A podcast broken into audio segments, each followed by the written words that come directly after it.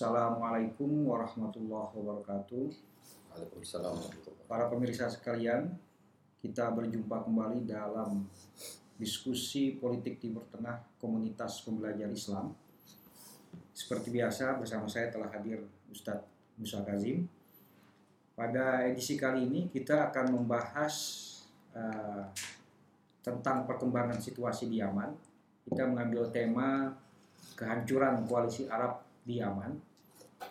Um, tema ini merujuk kepada peristiwa terakhir, yakni pengambil alihan uh, Aden uh, yang uh, dikenal uh, sejak krisis Yaman ini sebagai uh, pusat atau basis uh, pemerintahan Abdul Mansur Robuh Abdul Abdul Robuh Mansur Hadi, uh, pemerintahan Yaman yang uh, dalam tanda kutip diakui secara internasional dan didukung oleh uh, koalisi Arab yang dipimpin oleh uh, Arab Saudi.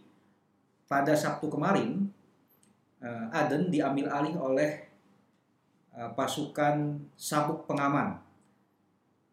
Pasukan ini didukung oleh Uni Emirat Arab, artinya bagian dari koalisi Arab yang memerangi uh, kelompok Houthi yang menguasai Yaman Utara, sementara Aden ada di selatan Yaman.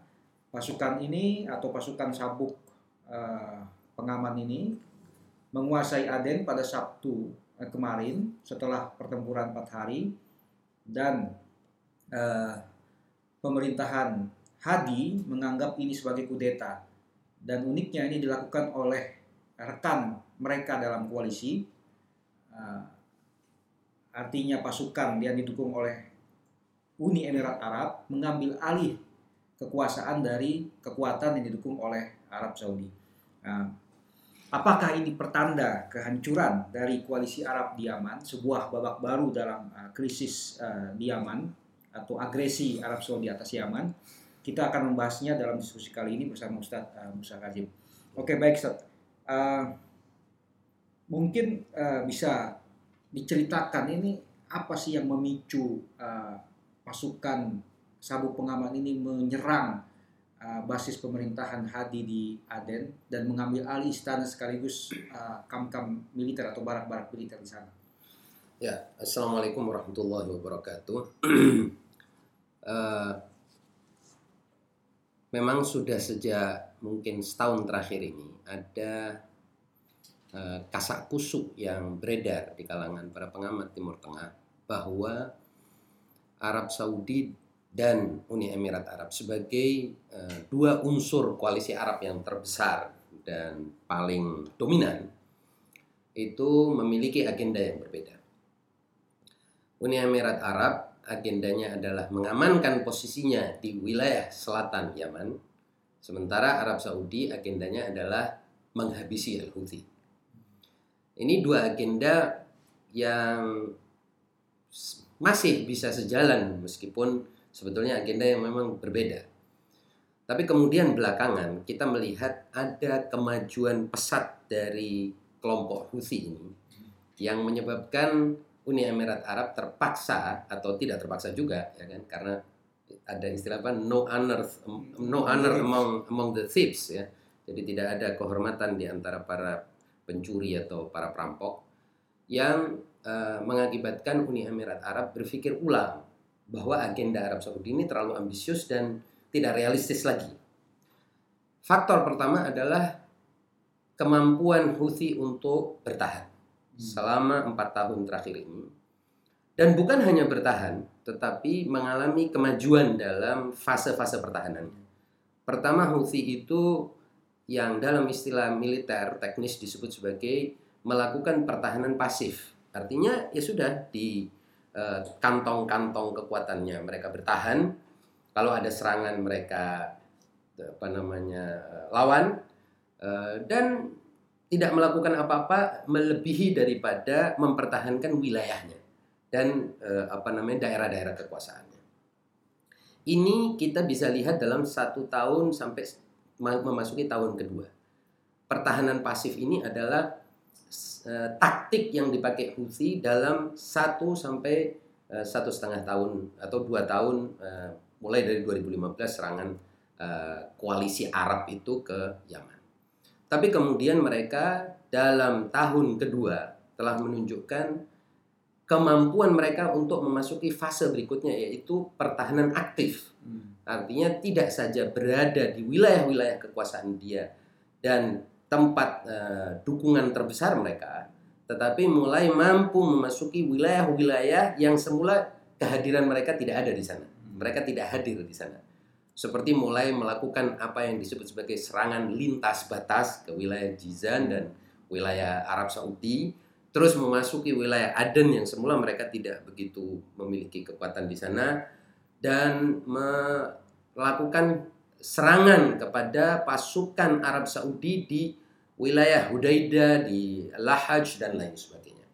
Artinya berkembang dari sekedar pas, pertahanan pasif menjadi pertahanan aktif. Lalu sejak setahun terakhir bukan saja mereka memasuki fase pertahanan aktif tapi sudah memasuki eh, apa yang disebut sebagai fase ofensif. Hmm. Yaitu ketika mereka secara rutin dan teratur melakukan serangan dengan rudal-rudal balistik maupun pesawat drone hmm. ke wilayah-wilayah kekuasaan uh, Arab Saudi. Kabar terakhir bahkan ada serangan rudal ke Abha. Abha. Bandara Abha. Tadi. Tadi. Uh, dan itu Abha telah diserang juga beberapa waktu yang lalu. Rutin, Jadi rutin. Uh, ya. Kemudian mereka juga mampu menyerang hmm. menurut pengakuan apa namanya uh, pengakuan dari juru bicara militer Yaman ya yang pro Houthi menyatakan bahwa mereka juga mampu menyerang misalnya wilayah yang cukup jauh itu daerah Damam misalnya. Dan itu artinya bagi Houthi eh bagi eh, ya Houthi ada perkembangan yang drastis dari sekedar bertahan di wilayahnya secara pasif ya, mempertahankan saja diri dari serangan. Hmm. Jadi musuhnya yang agresif, kemudian mereka aktif melakukan pengamanan wilayah di sekitar wilayah kekuasaannya, artinya memasuki wilayah-wilayah perbatasan yang semula mereka tidak ada di sana, sampai kepada memasuki serangan ke wilayah musuh, yaitu ke daerah-daerah Saudi, ke kota-kota di Saudi di satu sisi dan juga ke kota-kota di Uni Emirat Arab. Sebagaimana yang kita ketahui mereka juga berhasil menyerang misalnya uh, bandara udara uh, uh, Dubai ya beberapa waktu yang lalu, Abu Dhabi persisnya. Nah, ini menyebabkan Uni Emirat Arab punya pikiran yang berbeda dengan Arab Saudi. Nah, ini di satu sisi. Di sisi lain, kita melihat juga koalisi Arab itu sendiri juga meretelin. Hmm. Ya, semula kan kita tahu Saudi itu berharap banyak dari koalisi bukan Arab saja, tapi umat Islam lah, koalisi Islam, koalisi dunia Islam. Pelan-pelan uh, kita tahu bahwa Malaysia keluar dari koalisi itu secara terang-terangan. Kemudian juga jelas-jelas uh, apa namanya kalau dari awal juga Turki uh, cuman sekedar basa-basi. Ini kita cerita di masa ketika Qatar dengan Arab Saudi masih uh, apa mesra. Kemudian kita juga tahu bahwa uh, Mesir juga tidak mau mengirimkan pasukannya karena berbagai alasan yang mereka sampaikan. Lalu setahun yang lalu juga Maroko secara tegas menarik diri dari pasukan koalisi. Kenapa? Karena ada persoalan Arab Saudi mendukung uh, separatis di daerah uh, apa namanya uh, Pulau Sahara. ya sub-Sahara itu. Dan ini semua ditambah lagi dengan salah satu uh, negara yang diharapkan memberi pasukan terbesar Arab Saudi yaitu Sudan mengalami krisis yang cukup parah ya. Ini sebetulnya juga layak kita bahas Sudan ini sendiri karena di dalam Sudan sekarang ada perang saudara yang cukup serius dan ada kudeta, eh, kemudian ada gerakan masif di seluruh wilayah Sudan yang mengakibatkan pemerintahan eh, Umar Bashir ini jatuh dan bahkan sampai sekarang dia berada dalam tahanan rumah. Artinya kuat dan juga bagaimana posisi Pakistan sejak juga dalam uh, waktu belakangan ini setelah Perdana Menteri uh, Imran Khan berubah uh, haluan mengambil kebijakan yang berbeda dan tidak mau mengirimkan pasukannya ke uh, Yaman. Artinya Arab Saudi ini hanya berkoalisi dengan praktis dengan Uni Emirat Arab, pasukan terbesarnya dari Uni Emirat Arab dan juga dari tentara-tentara bayaran dari sebagiannya dari Sudan, mungkin sebagiannya dari Yaman sendiri, mungkin dari negara-negara Afrika lainnya, tapi yang jelas atas nama negara itu sudah tinggal Arab Saudi, Uni Emirat Arab dan Bahrain. Ini Bahrain pun sebetulnya cuma membebek kepada Arab Saudi karena kita tahu di Bahrain sendiri sekarang tidak ada pasukan, yang ada adalah pasukan Arab Saudi. Jadi sebetulnya ini faktor yang menyebabkan koalisi Arab Saudi ini uh, rapuh. apa rapuh. Hmm. Faktor yang bisa dikatakan oleh para pengamat politik Timur Tengah mengatakan faktor paling fatal hmm. ya yang merusak koalisi ini adalah fakta bahwa Amerika tidak akan menyerang Iran. Hmm. Jadi Uni Emirat Arab kemudian berkesimpulan bahwa daripada kita diseret oleh Arab Saudi dengan agenda menghancurkan Houthi yang itu adalah ilusi yang terlalu jauh, hmm. lebih baik kita mundur teratur dan mengambil apa yang bisa kita ambil yaitu bagian wilayah selatan dari Yaman. Toh mereka juga sudah memiliki uh, apa namanya apa yang disebut sebagai Dewan Transisi uh, Selatan dengan paramiliter atau dengan pasukan yang tadi anda sebut sebagai itu sebenarnya kan paramiliter ya hmm. pasukan uh, sabuk pengaman ini atau Quwat al-Hizam al-Amni yang berafiliasi dengan Uni Emirat. Oleh sebab itu kemudian pencetus langsung dari kejadian ini. Katakan ini kan rangkaian sebab ya. uh, jangka uh, sebab-sebab um, rangkaian sebab-sebab yang berevolusi pelan-pelan ya. Tapi sebab yang langsung mengakibatkan adanya gerakan dari pasukan pengaman sabuk pengaman ini untuk mengambil alih istana pemerintahan Presiden Abdul Rabuh Mansur Hadi adalah uh, kurang lebih sepekan yang lalu itu uh, ada parade militer oleh pasukan sabuk pengaman yang berafiliasi ke Uni Emirat Arab yang dirudal oleh Houthi dan kemudian tidak kurang dari 46 uh, eh, tentara tewas pada saat itu juga termasuk komandan tertinggi dari pasukan sabuk pengaman ini yang dikenal dengan nama Abu Yamama. Ketika itu terjadi, Uni Emirat beranggapan bahwa ada semacam kebocoran intelijen oleh pemerintahan oleh unsur-unsur di dalam pemerintahan Hadi yang menyebabkan Houthi mendapatkan informasi tentang keberadaan para militer ini. Inilah pemicu dari uh, krisis atau konflik internal antara hmm, satu sisi kelompok-kelompok yang berafiliasi dengan Uni Emirat dengan, dengan kelompok pemerintahan Hadi yang berafiliasi dengan Arab Saudi sampai kepada tingkat di mana secara resmi mereka memasuki istana uh, presiden. Uh, padahal kan Aden ini kan telah di uh, di apa deklarasikan sebagai ibu kota sementara uh, Yaman mengingat masih ada orang-orang uh, menteri-menteri dari pemerintahan Hadi yang ada di, di Aden, kalau tidak salah itu seperti menteri dalam negerinya, menteri uh, pertahanannya, yang dalam tiga hari terakhir ini sudah sama sekali resmi uh, terusir dari uh, apa Aden. Baik, Ustaz. sebagai background, uh, mungkin pemirsa ingin tahu sebenarnya peta uh, kekuatan dalam uh, konflik katakanlah dunia di iya. Yaman yeah. ini seperti apa sih gambaran umum saja? Ya, jadi kan semula ini kan agresi Arab Saudi dan koalisi Arab ini ke Yaman dengan alasan ada kudeta kelompok Houthi atas pemerintahan Abdul Rabbuh Mansur Hadi.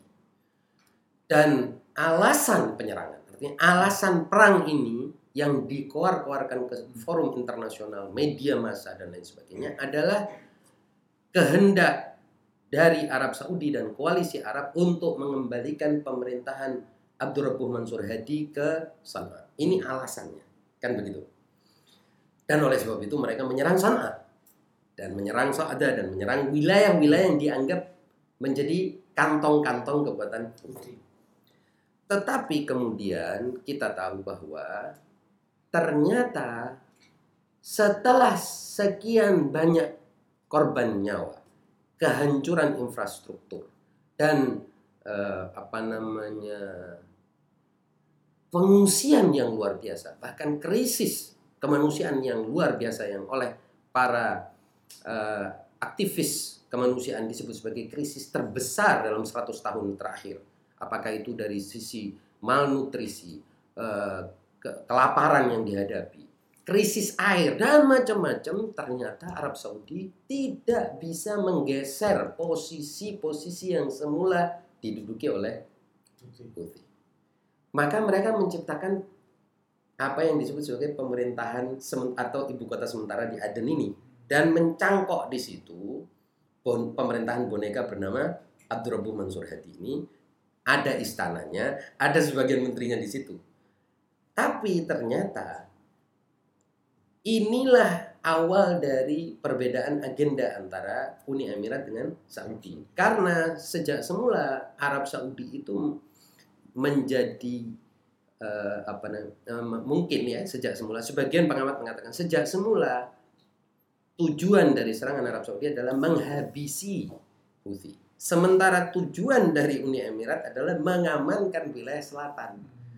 Buat Saudi, pengamanan wilayah selatan ini bukanlah solusi karena dia kan punya juga perbatasan dengan wilayah utara Yaman. Gitu. Bahkan buat Saudi bukan suatu solusi apabila Yaman ini terpisah terbelah menjadi dua karena sejak awal Ali Abdullah Saleh berhasil me menyatukan Yaman ini dengan bantuan Saudi dengan harapan Saudi bisa uh, apa namanya mengendalikan, ya. mengendalikan Yaman sebagai suatu kesatuan. Nah, kalau dipisah kembali problem yang deal dengan dua kekuatan. Uh, deal dengan dua kekuatan. Tapi ternyata uh, apa yang dilakukan oleh Uni Emirat ini lebih sederhana ketimbang apa yang dilakukan oleh Saudi karena dia harus berhadapan dengan kekuatan yang uh, solid yaitu Houthi dan mampu seperti yang tadi saya bilang berprogres uh, ya mengalami progres dari dif, uh, apa pasif defense ke active defense sampai kepada offense yang menyebabkan Arab Saudi itu kehilangan uh, arah. Hmm. Sementara Uni Emirat ya sudah karena memang uh, jatah dia adalah membangun uh, pasukan di wilayah uh, selatan ya sudah dia lanjutkan. Itu pun menurut saya Eh, sekarang eh, karena di wilayah selatan kan memang tidak ada kepemimpinan dan yang dilakukan oleh uh, Uni Emirat ini sebenarnya juga akan menjadikan perang saudara yang sekarang seolah-olah antara selatan dengan utara menjadi perang saudara di selatan dan ini ancaman bagi wilayah wilayah seperti Hadramut, hmm. uh, Aden sendiri dan ini akan menyebar ke seluruh Yaman. Jadi ini mulai seperti uh, kondisi di Suriah. Nah, persis. Kalau kita mau berikan ilustrasi, jadi ini mirip sekali situasi yang dihadapi oleh para pemberontak dan hmm. uh, proksi-proksi kekuatan uh, Arab Saudi. Dulu kan koalisinya besar tuh ya. Arab Saudi, Uni Emirat, Qatar, Turki, Amerika, Israel segala macam ketika mereka semua semula di bergerak di apa namanya Suriah untuk menjatuhkan rezim Bashar Assad. Hmm. Tapi ternyata karena pertahanan dan ketahanan rezim ini akibatnya mereka sendiri porak-poranda gitu. Hmm. Dan kemudian terjadi konflik internal di antara faksi-faksi yang sudah begitu rumit itu hmm. tadi dan sampai tidak tahu ini berafiliasi faksi ini berafiliasi dengan siapa dapat dana dari mana suplai senjata suplai apa namanya logistik dari mana sampai kita sudah tidak tahu saking rumitnya masalah itu Nah, sejumlah pengamat mengatakan bahwa apa yang terjadi di Yaman ini akan mirip dengan apa yang terjadi di Suriah. Jadinya infighting, apa ya. pertempuran di antara para di antara para uh, yang semula punya musuh bersama kan gitu. Ini uh, kelompok ekstremis sendiri uh, di Yaman di mana posisinya? Kan kita tahu di di Syria ada ada uh, Jabhatun Nusra, hmm atau yang kemudian menjadi Hayat uh, Tahrir Syam. Tahrir Syam. Ya. Terus ada Free Syrian Army, yeah. ada pula ISIS. Dan ISIS, kalau di Yaman sendiri kelompok-kelompok ekstremis ini posisinya apa tidak terlalu signifikan?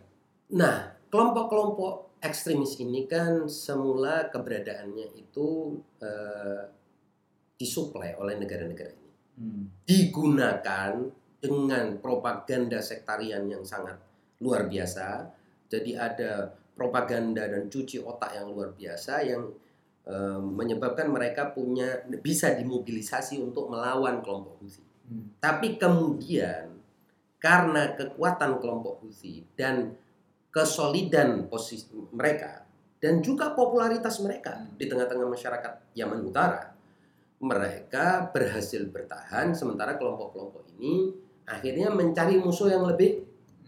Lembek, yang lebih lemah, minimal bertahan diri. Itu kan sebenarnya situasi yang sama juga yang dihadapi, oleh Daesh dan Jabhatun Nusra. Ketika mereka lebih baik bertempur di antara mereka daripada bertempur dengan yang lebih kuat. Minimal anggapan di otak mereka adalah apa? Kalau kita bisa satukan dua kelompok yang sama-sama punya agenda yang sama ini, maka mereka akan punya kekuatan yang lebih besar untuk melawan Assad kan begitu. Tapi ternyata kan tidak semudah itu.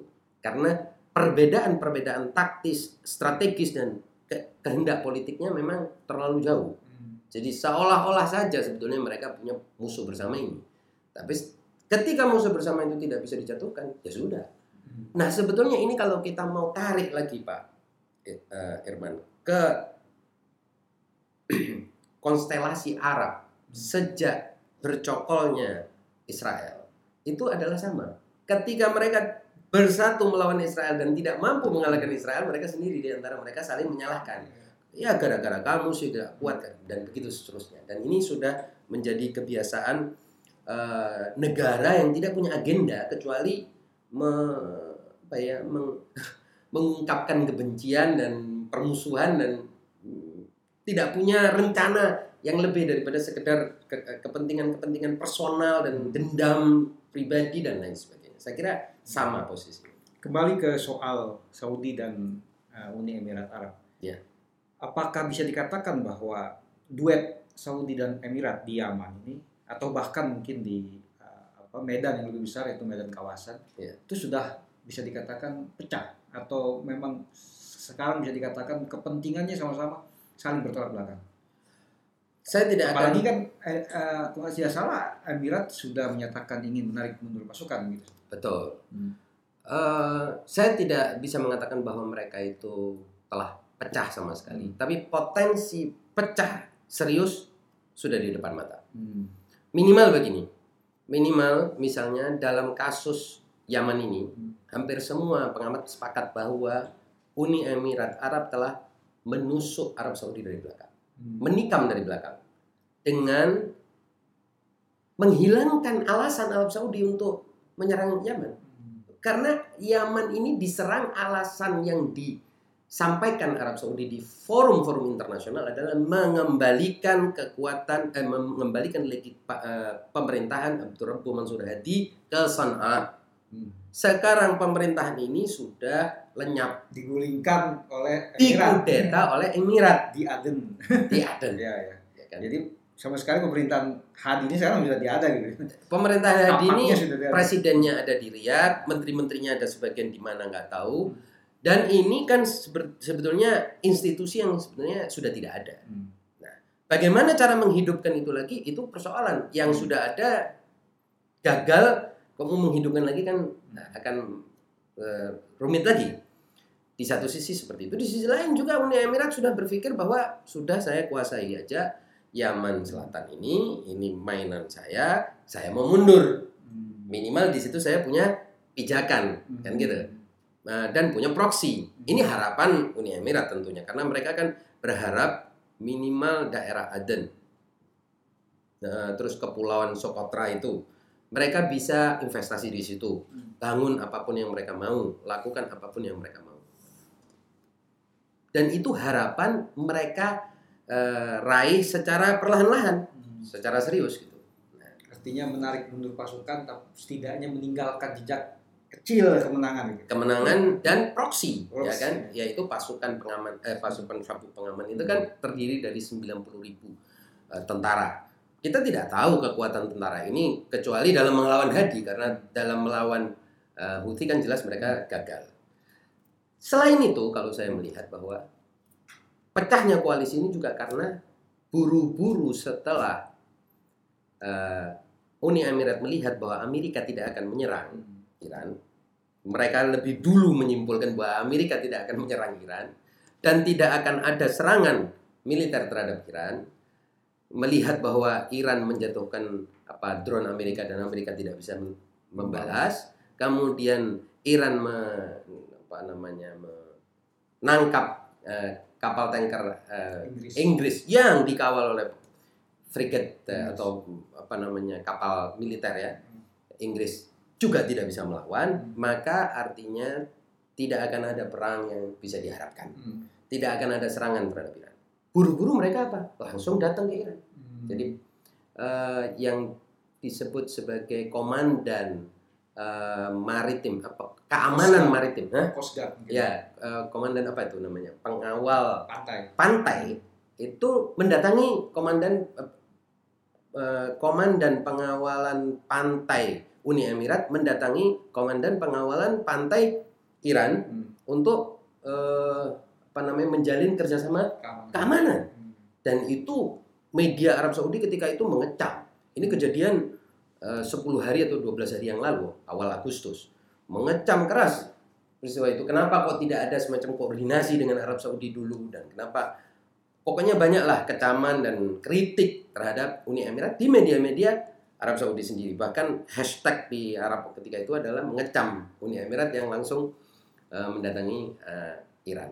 Banyak orang yang menganggap bahwa Uni, Uni Emirat tuh ingin mengatakan bahwa sudahlah Arab Saudi dengan mimpinya untuk menghabisi Houthi ini harus kita lupakan lebih baik kita deal dengan Houthi Hmm. karena dengan menghilangkan Abdurrahman Mansur Hadi kan berarti akan ada dua faksi Hmm. yaitu faksi yang menyebut dirinya dengan Al Majlisul Intiqali atau Dewan eh, Transisi Selatan. Selatan dan Dewan Revolusi atau Komite Revolusi yang dikuasai oleh kelompok Houthi. Ketika dua ini deal, ini kan jauh lebih mudah Nah, daripada nanti ada faksi-faksi lain. Inilah pikiran dari Uni Emirat. Tapi ternyata pikiran ini kan berarti melangkai Saudi. Saudi dan menikam Saudi dari belakang karena Saudi kan tidak ingin ada Houthi. Hmm. Jadi pikiran itu datang setelah ternyata mereka mengetahui bahwa Amerika sangat tidak mungkin menyerang Iran. Ya. Ini sejumlah pengamat mengatakan bahwa perubahan sikap Uni Emirat ini setelah mereka memastikan Hmm. atau mendapatkan kepastian Hmm. dari pihak Amerika sendiri dan Barat bahwa tidak akan ada serangan militer terhadap Iran. Tidak ada kemampuan, tidak ada keinginan untuk menyerang eh, Iran atau melakukan serangan militer terhadap. Setelah mereka mendapatkan kepastian atau memastikan diri mereka dengan diri mereka sendiri, mereka harus wah harus buru-buru berubah ini. Karena mereka nggak mungkin ya menghadapi Iran secara langsung tanpa Amerika. Tidak mungkin dan juga terbukti bahwa menghadapi dua rudal Houthi aja mereka kelabakan. Sebagaimana yang pernah disampaikan oleh Said Hasan Nasrullah beberapa waktu yang lalu bahwa Uni Emirat ini kan terdiri dari negara-negara bagian yang secara mutlak kekuatan utamanya itu bukan militer tapi ekonomi. Dan kalau ada tiga empat rudal masuk ke wilayah ini, ya situasi bursanya akan jatuh, prospek-prospek bisnisnya akan eh, rusak dan itu buat orang bisnis sangat keamanan itu kan faktor terpenting bagi mereka gitu dan mereka kemungkinan investor-investor itu akan menarik diri dari Uni Emirat dan itu artinya ya selesai Uni Emirat sebagaimana yang kita lihat sekarang akan musnah gitu. Nah, perkembangan terakhir ini eh, memungkinkan munculnya apa? Eh, maksud saya dampaknya secara geopolitik ini akan seperti apa ke depannya? Kalau saya melihat bahwa pertama eh, Saudi akan mencoba untuk me- ya menyadari bahwa dia tidak lagi menjadi faktor penentu bagi seluruh eh, kekuatan Arab di kawasan. Karena koalisi Arab dia koalisi Arab sekalipun dia tidak mampu kendalikan. ya. tidak mampu kendalikan dan juga tidak mampu amankan Hmm. dan tidak mampu pertahankan. Nah, Arab Saudi tidak mampu mempertahankan koalisi ini. Betapapun dari awal koalisi ini sudah rapuh dan mungkin juga sudah punya agenda yang berbeda-beda. Ini yang pertama, mereka akan menyadari itu. Dan yang kedua menurut saya mereka akan berpikir ulang tentang sikap mereka yang bermusuhan terhadap Iran Hmm. uh, dan memberikan harga mati dalam soal Houthi artinya Hmm. Houthi harus habis, Houthi harus hilang dan lain sebagainya mungkin mereka akan kalkulasi ulang karena tidak ada yang bisa menghilangkan Houthi dari Hmm. Yaman sudah menjadi suatu fakta kehadirannya ini eh, suatu yang tidak bisa ditolak Eh, dan mungkin terakhir akan memperpendek usia perang. Hmm. Tapi tentu Saudi ini kalau kita lihat dari pimpinannya seperti Muhammad bin Salman ini bukan orang yang mudah eh, apa mudah melunak ya. Kalau kita lihat ini kan orang keras kepala yang biasanya harus terbentur batu yang keras untuk kemudian jadi sadar. Jadi ada cerita apa namanya tentang orang seperti ini ini kan di Arab itu seperti cerita tentang dua orang yang melihat sosok sesosok apa bayangan di jauh kejauhan yang satu bilang itu kambing yang satu lagi bilang itu burung ketika didekati mendekat kemudian sosok ini terbang. Yang satu yang bilang itu burung dia bilang kepada temannya kan seperti yang saya bilang ini kan burung kan? Dia terbang. Yang satunya bilang enggak itu kambing tapi bisa terbang. Jadi kurang lebih sikap yang diambil oleh Ben Salman ini kan tidak akan mudah menerima kenyataan. Tipe Hmm. tipologi orang seperti itu. Tapi sampai kapan? Hmm. Nah, saya rasa sampai Houthi memberikan pelajaran yang sangat menyakitkan buat mereka. Mungkin dengan menembak instalasi minyak yang cukup serius yang mengakibatkan kerugian fatal bagi ekonomi Arab Saudi atau hal-hal yang seperti itu. Jadi pukulan yang telak gitu.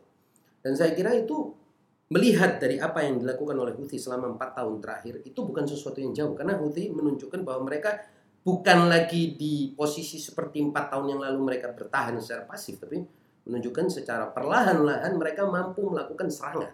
Dan serangan-serangan itu kan bisa bertambah. Baik dari sisi kuantitas maupun kualitas. Kualitas serangannya. Kan kita lihat bahwa eh, awal-awal itu benar-benar Houthi itu hanya bisa ya menggerakkan pasukan infanteri lah. Kan gitu. Bagaimana kalau sekarang mereka bukan hanya bisa menggerakkan pasukan infanteri tapi menggerakkan eh, apa namanya kekuatan balistiknya, eh, rudal-rudal balistiknya dan juga mampu me- merancang drone yang lebih canggih untuk melakukan aksi. Saya hari ini tadi itu seperti yang tadi saya bilang, hari ini itu Abha itu diserang menggunakan drone. Dan kalau Abha airport airport Arab Saudi itu airport Abha itu salah satu airport besar di Arab Saudi. Kalau ada 3-4 airport lain yang yang mengalami sasaran militer seperti ini, serangan militer seperti ini akan mengakibatkan Arab Saudi berpikir.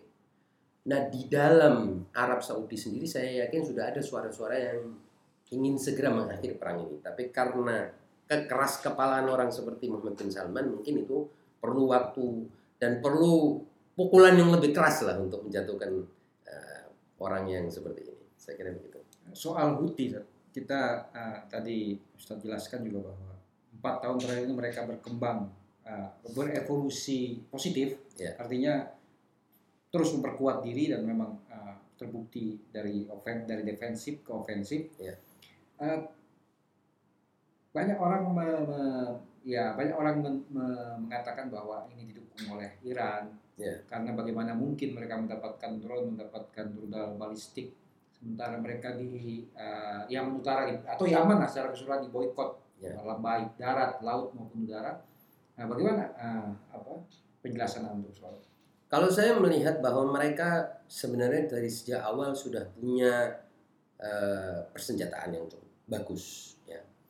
Tetapi dari persenjataan yang mereka miliki dulu, mereka cukup bersabar untuk mengatur tempo serangan sedemikian sehingga ini menunjukkan kepada musuhnya bahwa mereka bukan berkurang, kekuatan mereka bu- tidak berkurang dengan apa yang telah terjadi ini serangan yang begitu membabi buta dari eh, apa namanya udara seperti itu tidak menyebabkan mereka eh, melemah tapi justru mereka mampu menunjukkan bahwa mereka mampu menguat. Nah, apakah itu karena dukungan dari Iran atau bukan menurut saya tidak penting, tapi faktanya mereka mampu menunjukkan hal seperti itu. Dan sebenarnya taktik yang sama inilah yang dipakai oleh Hizbullah dalam perang 33 itu. Dalam perang 33 hari yang kita sedang memperingati apa namanya eh, karena Agustus kan kejadian itu 12 Agustus eh, dari 12 Juli sampai eh, 14 Agustus itu kan dalam perang 33 hari itu Hizbullah mampu menunjukkan kepada Israel bahwa serangan dahsyat pesawat-pesawat tempur Anda tidak mengurangi kemampuan kami untuk menyerang balik. Justru kita lihat di tujuh hari terakhir itu serangan Hizbullah ke Israel itu justru meningkat. Baik dari sisi serangan Hizbullah ke tank-tank Israel maupun serangan Hizbullah ke pasukan elit Israel maupun serangan Hizbullah rudal-rudal Hizbullah ke wilayah Israel meningkat justru di tujuh hari terakhir dan itulah taktik yang akan dipakai oleh- Houthi sekarang ini.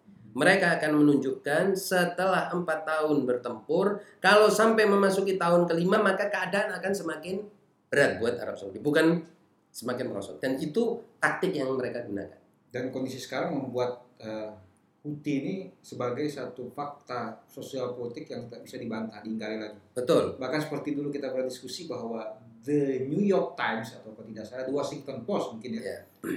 membuat pernah membuat opini dari pemimpin Houthi sendiri. Iya. Artinya secara internasional eh, secara de facto sudah diakui. Sudah diakui sebagai kekuatan sosial, politik dan militer.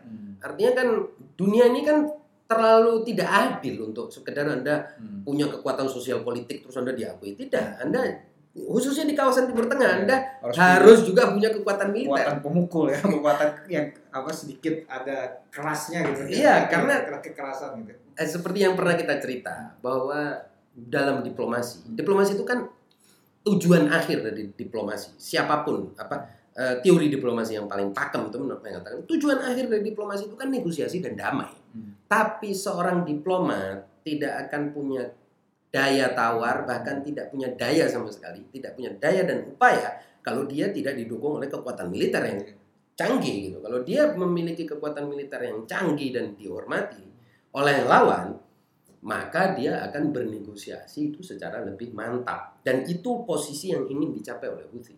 Mereka ingin mengatakan kepada Arab Saudi dan Uni Emirat dan seluruh dunia bahwa mereka akan bertahan dan lebih daripada sekedar bertahan kalau perang ini berlanjut mereka akan mampu menyakiti musuh-musuhnya secara lebih serius dan terbukti dalam empat tahun terakhir ini serangan rudal itu semakin rutin semakin jauh jangkauannya semakin besar hulu ledaknya.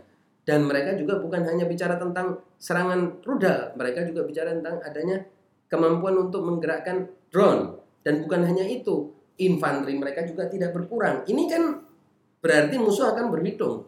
Kalau yang seperti ini berarti kita harus negosiasi. Tidak bisa terlalu jauh kita apa namanya perang seperti ini. Apalagi kita tahu bahwa perang antara Houthi dengan Saudi dan koalisi itu mirip seperti perang antara Hizbullah dengan Israel. Ap- makin lama perang itu bagi negara ya kan, makin berat biayanya. Beda dengan perang gerilya ini. Perang gerilya ini ya memang korban jiwanya pasti besar, tetapi biayanya kan jauh lebih murah apalagi mereka tidak tidak membayar tentara bayaran. Mereka kan memang pasukan relawan kan gitu pasukan rakyat tentara rakyat. Kan. dan tentara rakyat ini kan motivasinya adalah kehormatan diri motivasi mungkin emosional motivasi yang bukan karena dibayar oleh apa namanya oleh petrodolar. dan juga tidak ada anggaran khusus gitu. Maksud saya ini akan menyebabkan ke- kekuatan kecil ini akan lebih mampu bertahan Baik, Ustaz. terima Ya. kasih atas penjelasannya. Demikian pemirsa, eh, bagaimana eh, penjelasan Ustaz Musa Kazim tentang eh, indikasi, kira-kira indikasi bisa dikatakan gitu, kehancuran koalisi Arab di Ya. Yaman dan yang indikasi yang semakin nyata, saya pikir. Dan mungkin saya bisa kasih catatan sedikit atau kira-kira kesimpulan bisa dikatakan demikian. Tadi Ustadz mengatakan bahwa ada pepatah dalam Inggris atau apa ya, mungkin pepatah atau semacam ya peribahasa there is no honor among thieves ya, kira-kira kalau para agresor uh, di Yaman itu tidak punya kehormatan tidak punya kode-kode moral mereka tidak bisa saling mempercayai satu sama lain sehingga ya bahkan terbukti saling tikam uh, terbukti sekarang saling tikam Ya. Uh, baik di Yaman dan kita sudah tahu juga di Syria demikian Ya. Uh, terima kasih pemirsa. Uh, kurang lebihnya kami mohon maaf. Bila topik wal hidayah. Wassalamualaikum warahmatullahi wabarakatuh. Waalaikumsalam warahmatullahi wabarakatuh.